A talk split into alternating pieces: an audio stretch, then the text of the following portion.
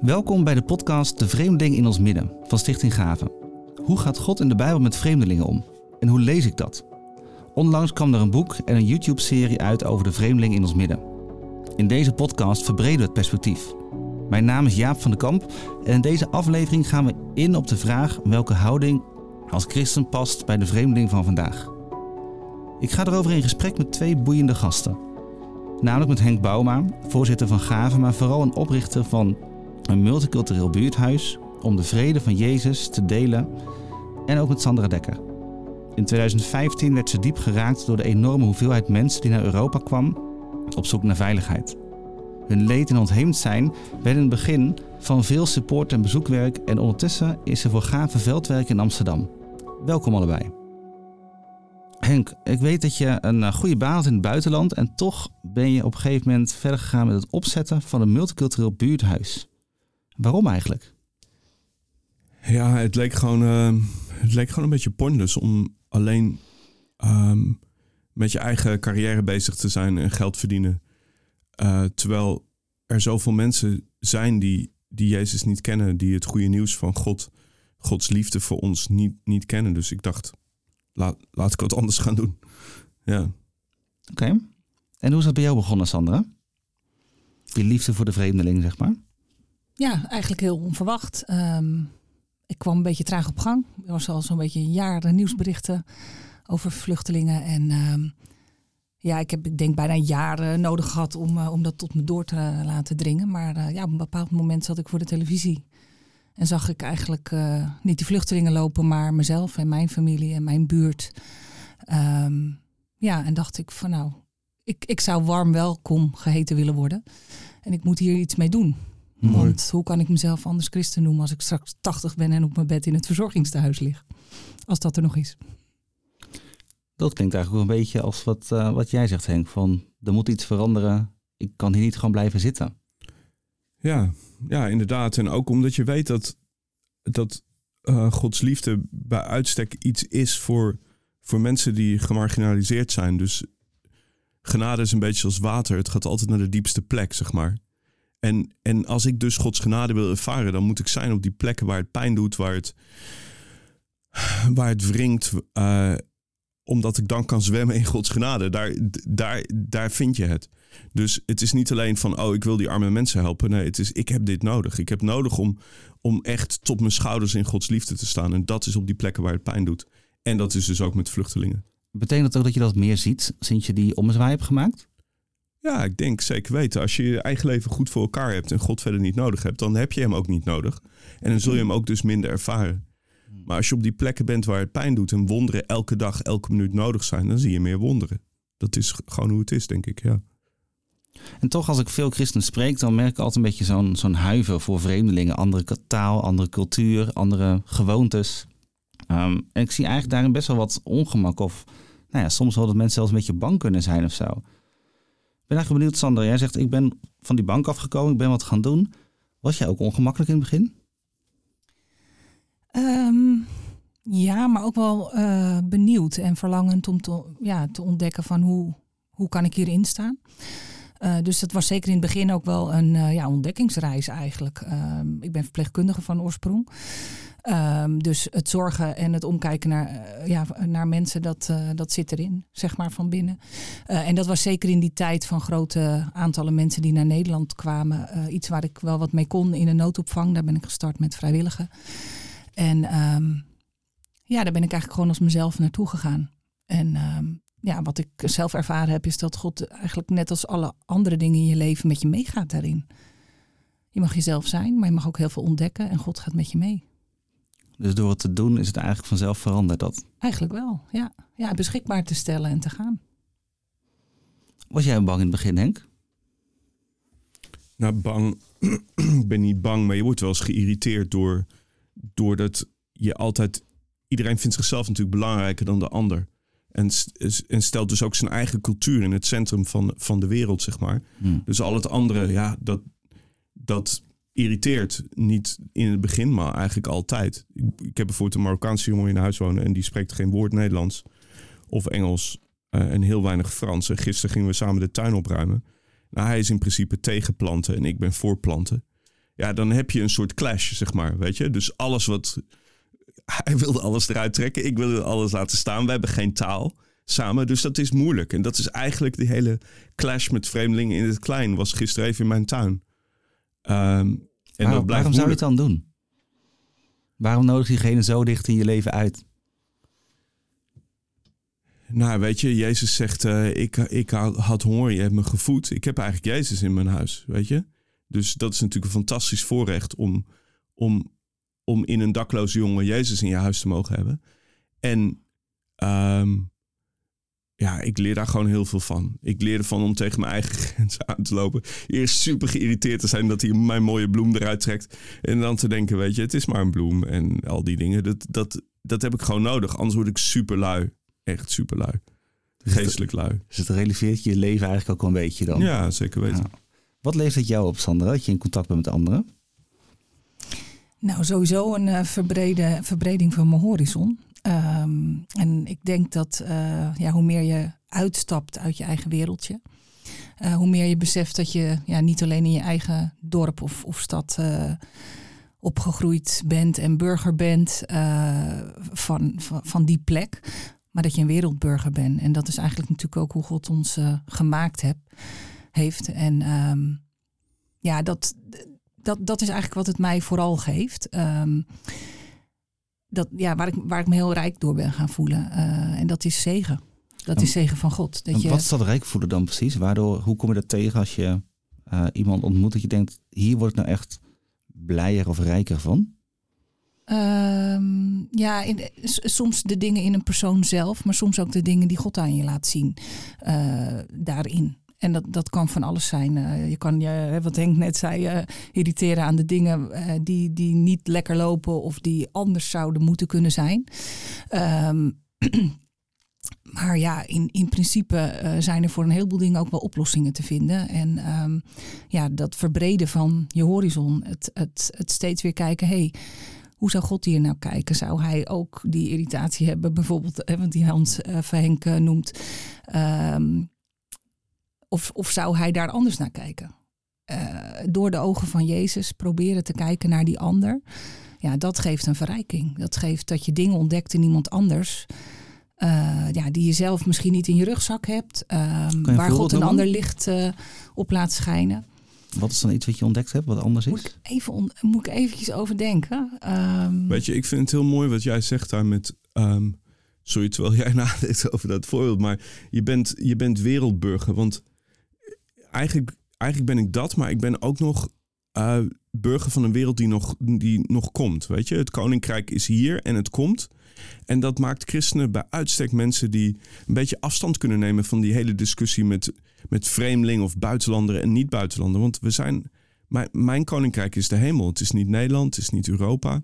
Het is, dat helpt me om dingen te relativeren. Ja, precies. Ja een, jongen die echt een heel goede baan heeft bij een consultancy, die werd door zijn collega's op aangesproken van waarom woon jij nog steeds op Kanaleiland, achterstandswijk in Utrecht? En hij zei, weet je, ik, ik hoef niet alles in dit leven. Ik, ik heb een ander koninkrijk waar ik bij hoor. En als ik uiteindelijk dat huis met die tuinen en heg en uh, een sproeiertje krijg, dan, dan komt dat. Maar dat komt, dat komt nog wel. Ja, ja. Nou, ik denk dat dat het ook is. Hè. We hebben het over vluchtelingen, over vreemdelingen. Um, maar eigenlijk, als we de Bijbel lezen en, en ook uh, kijken naar onszelf en ons geloof, wij waren ook ooit vreemdelingen. Ja. En wij mochten bij God gaan horen op het moment dat we Hem leerden mm. kennen. Um, en het besef dat, ja, dat dit leven tijdelijk leven is en dat het eeuwig leven gewoon veel langer duurt mm. dan dat hele kleine stukje hier, dat verliezen we heel makkelijk uit het oog. Ja.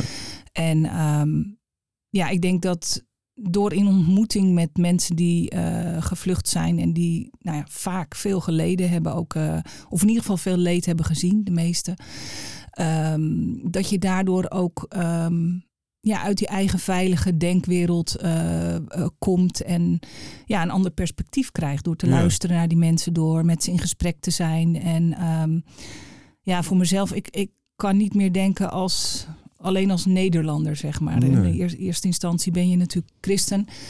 Um, en die verandering ben je blij mee? Wat zeg je? Die verandering ben je blij mee? Die verandering ben ik heel blij mee. Ja, nou. heel blij. Want um, het maakt ook dat je inderdaad je kan uitzoomen uit de, uit de huidige uh, problematiek uh, van, van de dingen die in de maatschappij zo'n belangrijke rol lijken in te nemen. Ehm, maar de vraag is wel uiteindelijk van, aan, aan, aan ons allemaal, denk ik, van naar wie luisteren wij? Luisteren wij naar de media? Luisteren we naar alle grote schreeuwende krantenkoppen? Of luisteren we naar dat wat God uh, ja, ons vertelt eigenlijk over een ieder om ons heen? En hoort, hoort die vreemdeling, hoort die vluchteling daarbij? Ik denk van wel.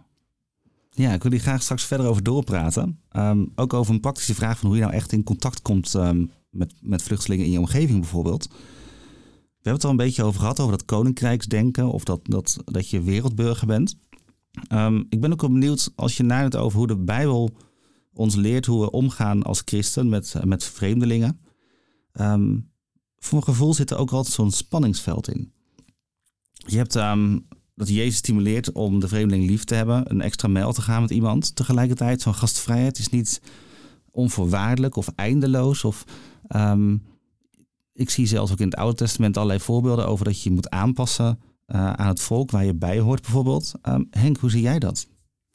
Nou ja, ik, ik ben echt ontzettend blij met dat boekje dat uh, Lianne van der Zee heeft ges geschreven, Vreemdeling in ons midden. Wat heel, ik denk de eerste studie die echt heel nauwkeurig ingaat op de verschillende woorden die in de Bijbel gebruikt worden. En, en daar dus ook onderscheid in maakt. Um, waar wordt gewaarschuwd dat mensen die zich niet aanpassen aan het volk van God, dat je voorzichtig moet zijn om daarmee volledig te integreren. En ik denk dat het, het nieuwe volk van God de kerk ook voorzichtig moet zijn en niet uh, klakloos alles moet overnemen wat mensen die, waarmee je bevriend raakt, die naast je komen wonen, um, komen vertellen. Dus bijvoorbeeld, voor mij persoonlijk is dat vaak de islam, want de meeste mensen, de meeste van mijn buren zijn, zijn moslim. Ik, ik ben hun buur, ik wil goede vrienden met ze zijn.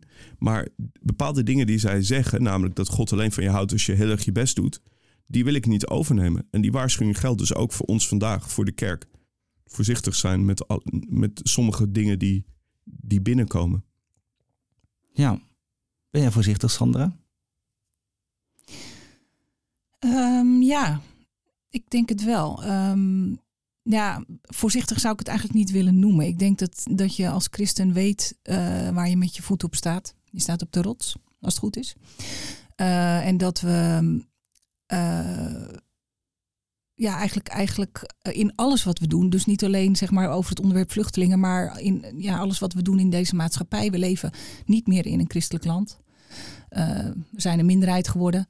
Um, ik woon in, in Hoofddorp. Um, ik werk in Amsterdam voor Gaven. Um, dus ja, een, seculiere omgeving. 90% van de tijd. Uh, en ik denk dat dat al elke dag een issue is waar je over nadenkt. Uh, hoe wil ik als christen in dit leven staan?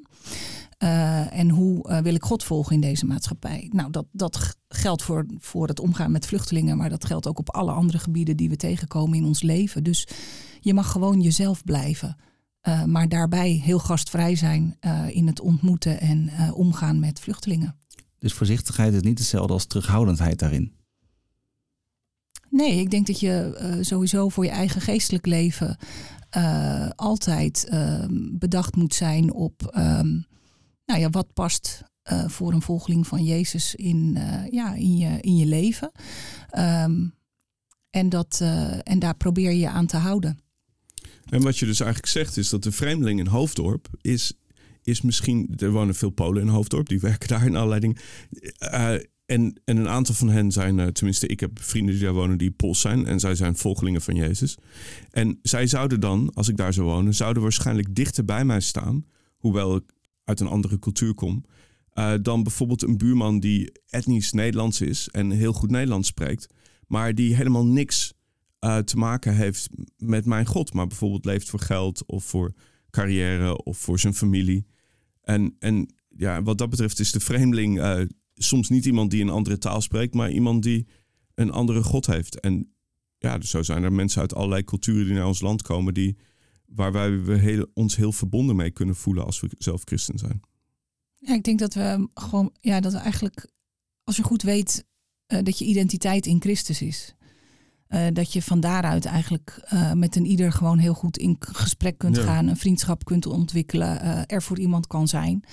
Um, iets wat we overigens nooit moeten verwarren met iemands redder willen zijn.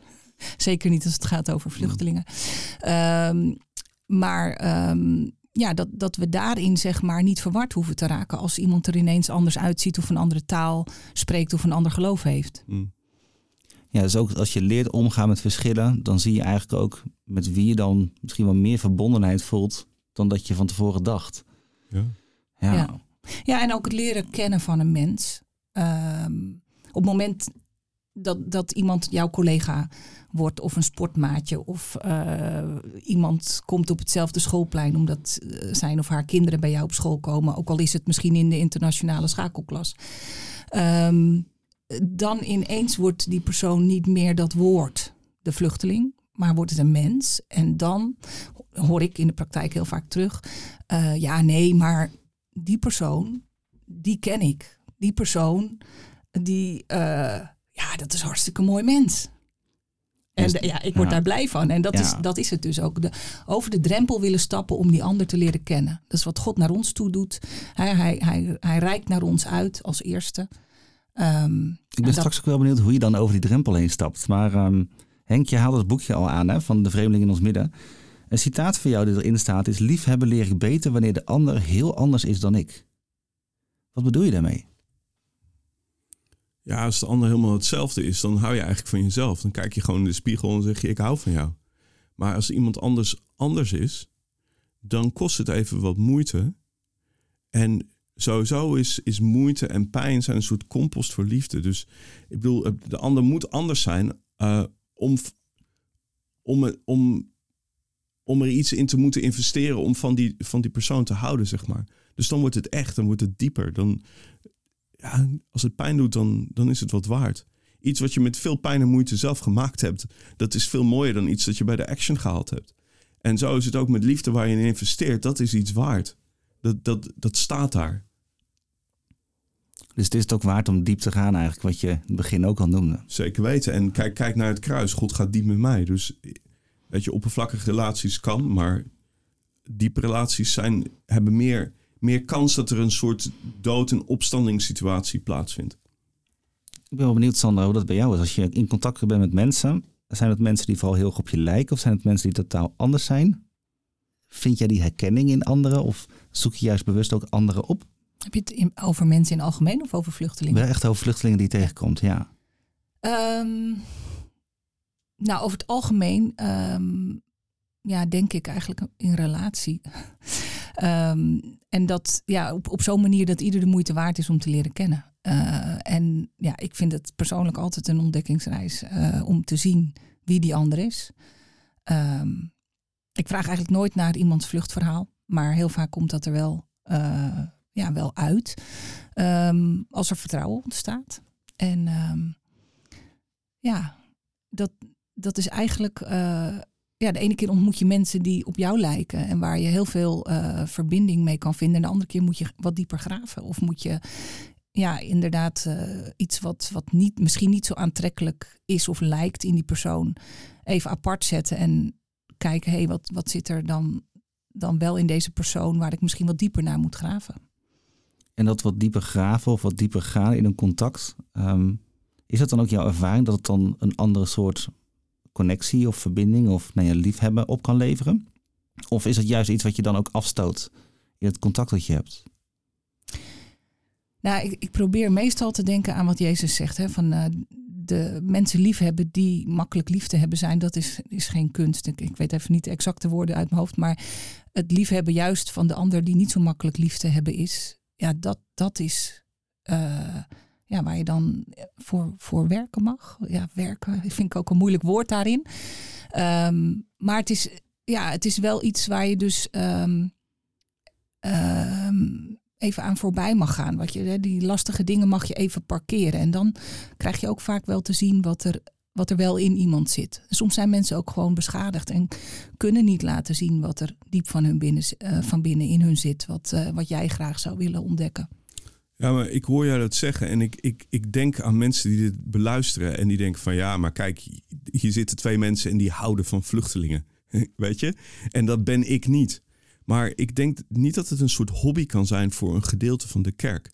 Het is een beetje alsof je, alsof je een chip manufacturer bent en niet investeert in innovatie en research and development. Dan ga je dood. En christenen die moeten met genade en Gods liefde bezig zijn, anders gaan ze dood. De kerk gaat dood als ze niet met vluchtelingen of met andere gemarginaliseerde mensen bezig is. Mensen met pijn. Want dan zie je Gods liefde. Dus het is niet zo van, nou weet je, ik besluit of jij besluit. En ik weet dat je dit met me deelt, die gedachte. Weet je, ik of jij besluit van, nou we gaan eens een keer wat goeds doen voor iemand. Nee, ik doe dit vanwege egoïstische redenen. Als ik niet, ehm, als ik Gods liefde niet in actie mag zien, uh, dan ben ik zoals een chipsfabrikant ehm, uh, die niet investeert in, in, innovatie. Dan, gaan we, dan ga ik dood. Dus ik, ik heb dit nodig. Ik doe dit voor mezelf. Voor mezelf ben ik in contact met mensen die Gods liefde hier en nu nodig hebben. Doe jij dat voor jezelf ook? Ik zit er even op te kouwen, merk ik. Ik zit er ook even op te kouwen. En ik vind hem, ik vind hem wel heel diep. Uh, en ik snap, ik snap ook wat je zegt, uh, Henk. Um, ja, ik, uh, dat moment dat ik voor de televisie zat en dacht, ja, ik, ik moet hier iets mee, was, ja, was, was meer een, ehm, iets wat mij overkwam dan dat ik dat zelf besloot. Ik doe dit voor mezelf. Ehm, dus ik, ik ben gegaan, denk ik gewoon. En, en daarin ontdekkend uh, op weg gegaan met de mensen die op mijn pad kwamen. En als je dan hebt over die mensen. Ja, ik zeg wel in, in gesprek met andere mensen wel eens. Ja, echt sexy werk is dit niet. Gekke uitspraak misschien. Maar ja, er zijn gewoon veel momenten dat je jouw gewoontes anders zijn dan die van de ander. En um, ja, als je daar dus niet doorheen prikt of dat niet parkeert of daar niet bereid bent om daar overheen te stappen, dan ontdek je dus ook die dingen niet uh, waar ik het net over had. Um, en ik denk dat dat dus um, ja, voor alle relaties geldt, maar ook hierin. En dat je um, ja, alleen je gedachten ook kunt vernieuwen als je dus dat stukje dieper graaft. En dat, dat is ook ja, aan de Heilige Geest. maar het ontdekken van hoe mooi mensen zijn, en uh, dan wil ik niet, gebruik ik nu niet het woord vluchteling, maar hoe mooi mensen zijn. Mm. Uh, ja, die geleden hebben of uh, ja, die anders zijn dan mm. jou. Ehm, en daar een stap naartoe maken. Dat is eigenlijk waar, ja, waar ik mee begon. En, en ja, om dan te mogen ontdekken vervolgens wat God daarin geeft. Ja. En dat is soms ehm, ja, heel mooi. Maar soms ben je ook gewoon heel diep aan het nadenken over vraagstukken die je nog nooit tegengekomen bent. En ja, ja dat. dat uh... En het doet altijd een beetje pijn. Hè? Het is wat Jezus zegt over een, een, een druiven. Een, een druivenstruik die je niet snoeit, die gaat niet groeien, die brengt geen vrucht voort. Weet je, op het moment dat je geknipt wordt, denk je niet van, oh fijn, ik word geknipt. Nee, dat is niet hmm. lekker. Maar het is wel iets wat je nodig hebt en uiteindelijk zijn die druiven wel lekker. Ja. Weet je, dus daar gaat het ook om. Het gaat om die groei. Ja, liefhebben en zien is echt één ding, maar hoe maak je het nou dat contact dan? Hè? Dat is uh, iets waar ik ook met jullie over door wil praten zo. Eerst kijken we even naar een portret uit de Bijbel van een, eh, een vreemdeling. En um, nou ja, daarin komt denk ik op een andere manier even dichtbij. Uh, dit portret is ingesproken door Matthijs van Engelen. We woonden in een enorme wereldstad, Rome. Het bruiste van leven. Het was een smeltkroes van culturen. Maar onze mensen, de Joden, vormden een bijzondere gemeenschap. Wij waren niet vermengd met al die anderen, maar hielden ons vast aan elkaar en aan ons geloof. En toen kwam er strijd. Een heftige strijd. Het ging over Christos, zoals anderen hen noemden. En er was weerstand tegen hem.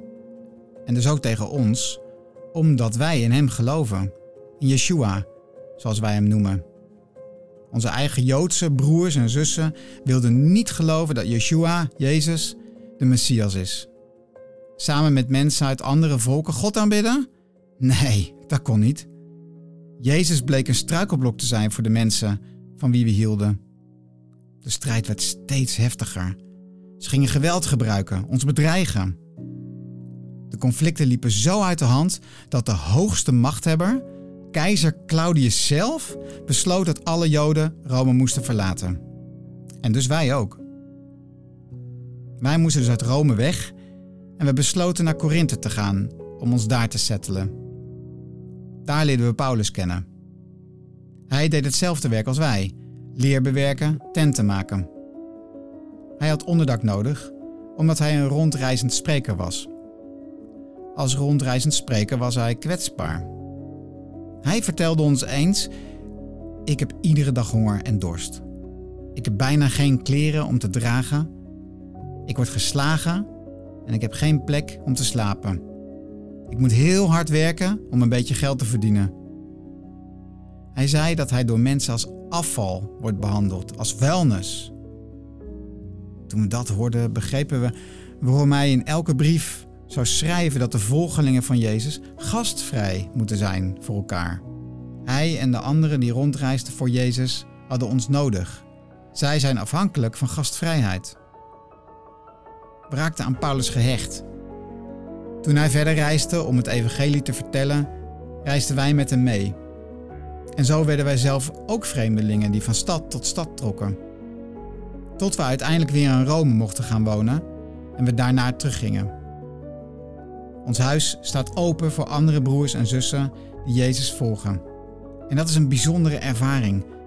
Het is alsof we dan Jezus zelf mogen ontvangen en iets terugdoen voor Zijn liefde voor ons. Hij heeft dat gezegd, hè? Ik was een vreemdeling en u hebt mij gastvrij onthaald. En wat u voor een van de minste van mijn broers of zussen hebt gedaan, dat hebt u voor mij gedaan. We hoorden een portret over Aquila en Priscilla, hoe zij dat uh, in Rome ook ervaren. Eigenlijk zit daar dat wereldburgerschap ook wel in, hè? wat je al noemde. Van um, ja, niet per se bij de omgeving, bij de bubbel horen waar je in zit, maar ook daar los van komen. Um, eigenlijk ben ik wel benieuwd als je in contact bent met vluchtelingen en voor het eerst met iemand in contact gaat. Heb je daar een soort van herkende patroon? Komen altijd dezelfde dingen terug in zo'n contact? Nou ja, er zijn wel herkenbare patronen in, in mijn situatie. Ik, um, ik ga niet alleen met vluchtelingen om, maar ik werk in een buurtcentrum. Dus mensen komen gewoon binnen. En ik, ik probeer mensen ook niet in een hokje te plaatsen als ze binnenkomen. Um, maar als iemand specifiek binnenkomt die een vluchteling is, dan is die vaak of dakloos of hij woont in het asielzoekerscentrum. En dan zijn er bepaalde dingen die die persoon nodig heeft. Dus dan hebben ze vaak eerst een fiets nodig. En, uh, misschien een, uh, een simkaart. Uh, dat soort dingetjes. Dus ja, er is een herkenbaar patroon. Je kunt aan het begin even dienstbaar zijn met, met praktische dingetjes. Als mensen nieuw zijn in Nederland. Als ze mm. echt net van, van de boot komen. Of van de wandeltocht van Turkije bijvoorbeeld. Nou, dan, ja, dan kun je gewoon kleine dingetjes voor elkaar doen. Is dat waar het bij jou ook start? Praktisch helpen? Um, ja, ik denk in, in de beginjaren dat ik daarmee bezig was, dat mijn focus daar wel veel op, uh, op lag. Um, maar ook dat als je langer bezig bent, dat je ja, wel gaat begrijpen van hé, hey, uh, dat wat ik die ander eigenlijk zou, met die ander graag zou willen delen, dat komt na, soms pas nadat je in de eerste nood van iets voorzien hebt. En ik denk dat op het moment dat je in contact komt met vluchtelingen, wat ik vooral zie is uh, ja, dat gewoon het stilstaan bij de vraag of het verhaal wat iemand heeft, dat daarmee begint. En met aandacht en luisteren. Um, en, en soms kun je daarin inderdaad iets betekenen met een, een fiets of uh, nou ja, kleding of iets, uh, nou, net wat, wat eigenlijk nodig is. Um, ja, ik denk, ik denk dat het op verschillende manieren kan beginnen. Maar dat het uh, uiteindelijk op de langere termijn niet het enige is natuurlijk wat je voor, voor mensen kunt doen. Je kunt veel meer doen dan dat. Toch zie ik dat wel vaak gebeuren bij vrijwilligers die zeggen van uh, zolang ik kan helpen, dan vind ik het fijn. Dan haal ik ook iets uit voor mezelf. Um, maar ja, als op een gegeven moment um, leren fietsen bijvoorbeeld niet lukt, ja, dan stopt het contact eigenlijk ook een beetje. Ik ben wel benieuwd, Henk, hoe je dat dan doet als je praktisch helpt, hoe zorg je dat contact blijft? Ja, uh, nou ja, weet je, ik heb een soort gewoontes die ik heb die voor mij werken. Dus bijvoorbeeld elke maandag nodig ik uh, random mensen uit thuis. Andere dagen ook, maar maandag is specifiek die dag. En ik, uh, ik heb dus die, die Marokkaanse jongen die bij ons in huis woont gezegd van, weet je, ik wil graag dat je huur betaalt. Want dat wil ik natuurlijk helemaal niet. Het maakt me ook helemaal niet uit. Maar dat geeft hem meer waardigheid als hij ook iets terug kan doen. Dus ik heb gezegd, de huur is precies die tijd die jij investeert in het koken van een maaltijd op maandag. Dus hij is dan eigenlijk de host. En dan nodigen we tien mensen uit, twintig mensen uit. En dat zijn we altijd andere mensen. En dan op maandag, dan, dan heb ik tijd voor een iets dieper gesprek met een paar mensen. Omdat die mensen langskomen om te eten. En uh, ik probeer elke, elke maand twee keer een weekendje te doen met wat mensen. Gewoon één dag weg met wat mensen. En dan rond een kampvuurtje, dan komt dat gesprek, zeg maar. Dus weet je, dat eerste contact in een buurtcentrum met koffie en zo, is er vaak helemaal geen tijd, weet je. Te veel mensen. Maar dan zijn er een paar mensen en die, die komen dan een cirkeltje verder. En dan kun je echt over de liefde van God gaan praten. Want dat is iets wat ik graag wil. Is niet, niet het enige wat ik wil. Ik wil natuurlijk ook wel helpen met, met die telefoon of met die fiets. Uh, en dat is ook een teken van Gods genade. Maar uiteindelijk is het natuurlijk mooi als je ook een reden kan geven voor die hoop die in je woont. Zoals als Petrus het zegt. En daarvoor zorg je eigenlijk dat je gewoon elke keer een andere setting hebt waar de andere dingen kunnen ontstaan. Ja, een maaltijd is heel vaak een goed ding. Dus wij hebben elke dag eh, lunch in, in, in het buurtcentrum waar ik werk. Maar ja, dat, dan ben ik vaak nog te druk. Dus daarom zeg ik, kom dan één avond bij me thuis eten. Dan is er net iets meer ruimte. Hoe is dat bij jou, Sandra? Uh, nou in, in Amsterdam uh, draai ik voor Gaven een, vrouwengroep. samen met een heel leuk kernteam hebben we wekel, wekelijks een, vrouwengroep waarbij we samen eten, bijbelstudie doen.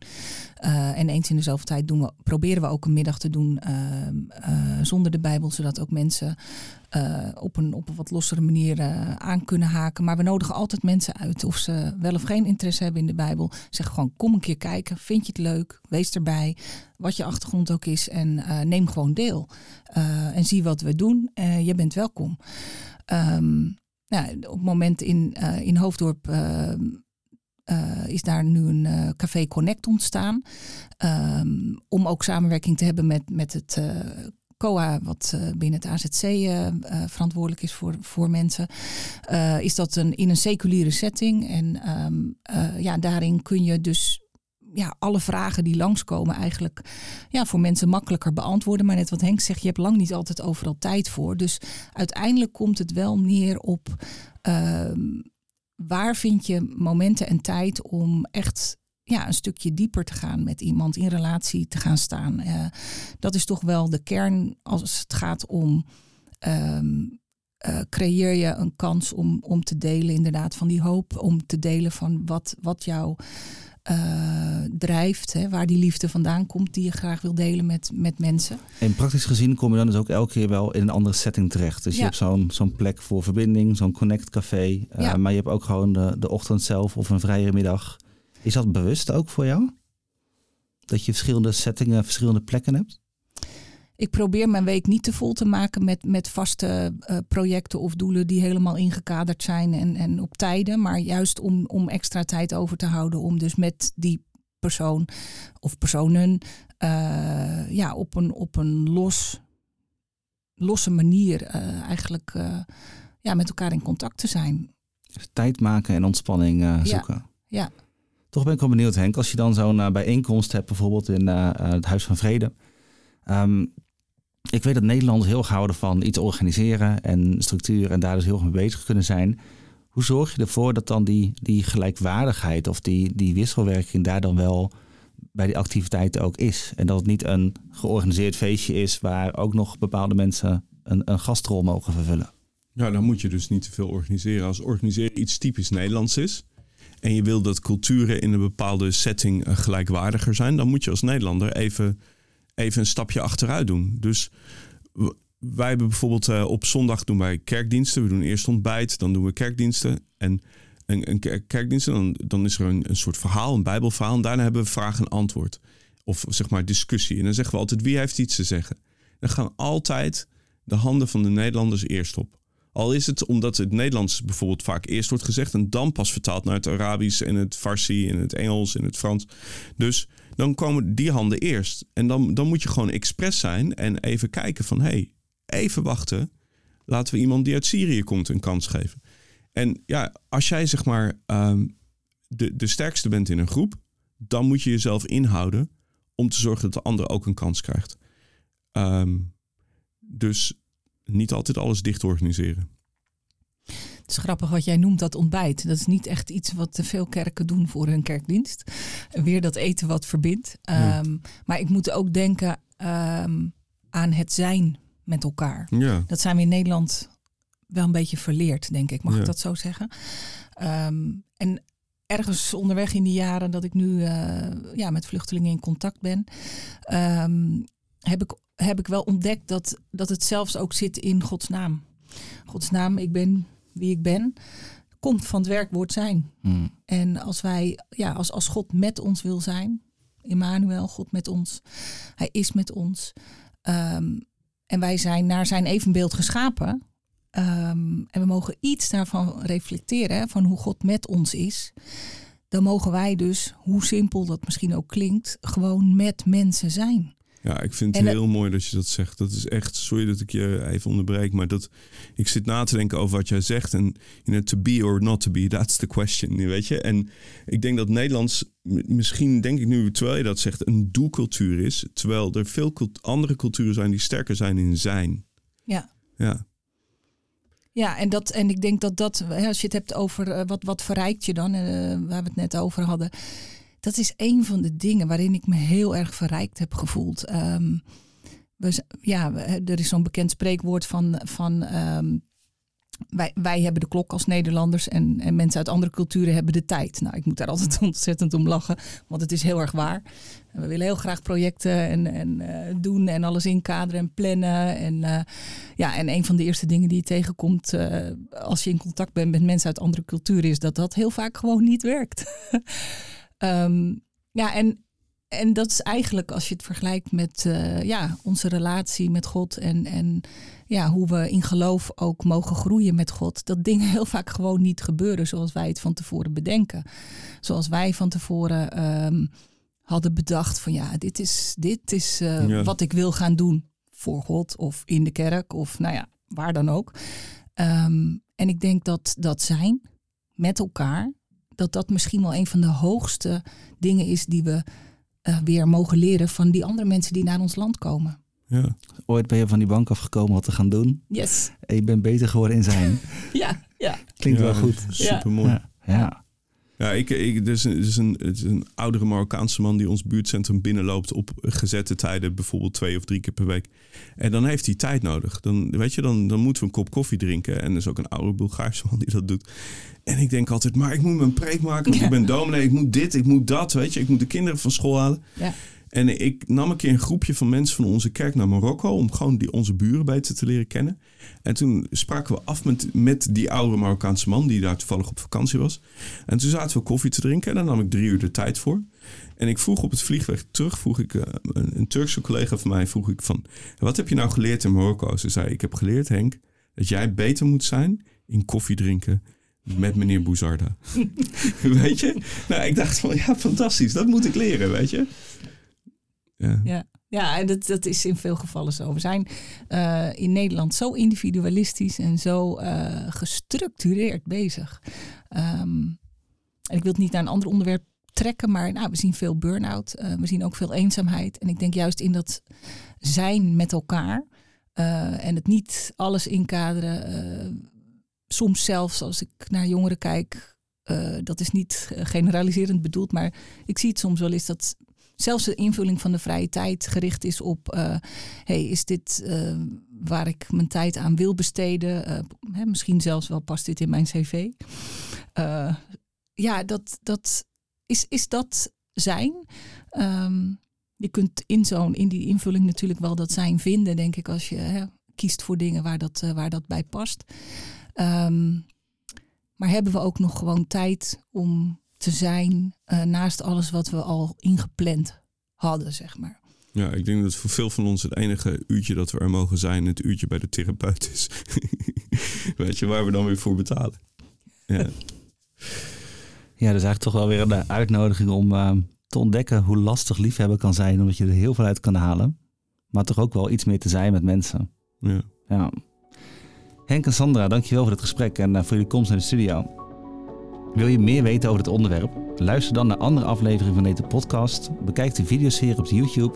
Lees het boek De Vreemdeling in ons midden van Lianne van der Zee. De links van deze media vind je ook allemaal in de show notes. Deze podcast is een uitgave van Stichting Gaven. Werd gemaakt door Matthijs van Engelen en Lianne van der Zee. Met dank aan Ronald Koops en Joost Bastiaans. Mijn naam is Jaap van der Kamp en dankjewel tot de volgende.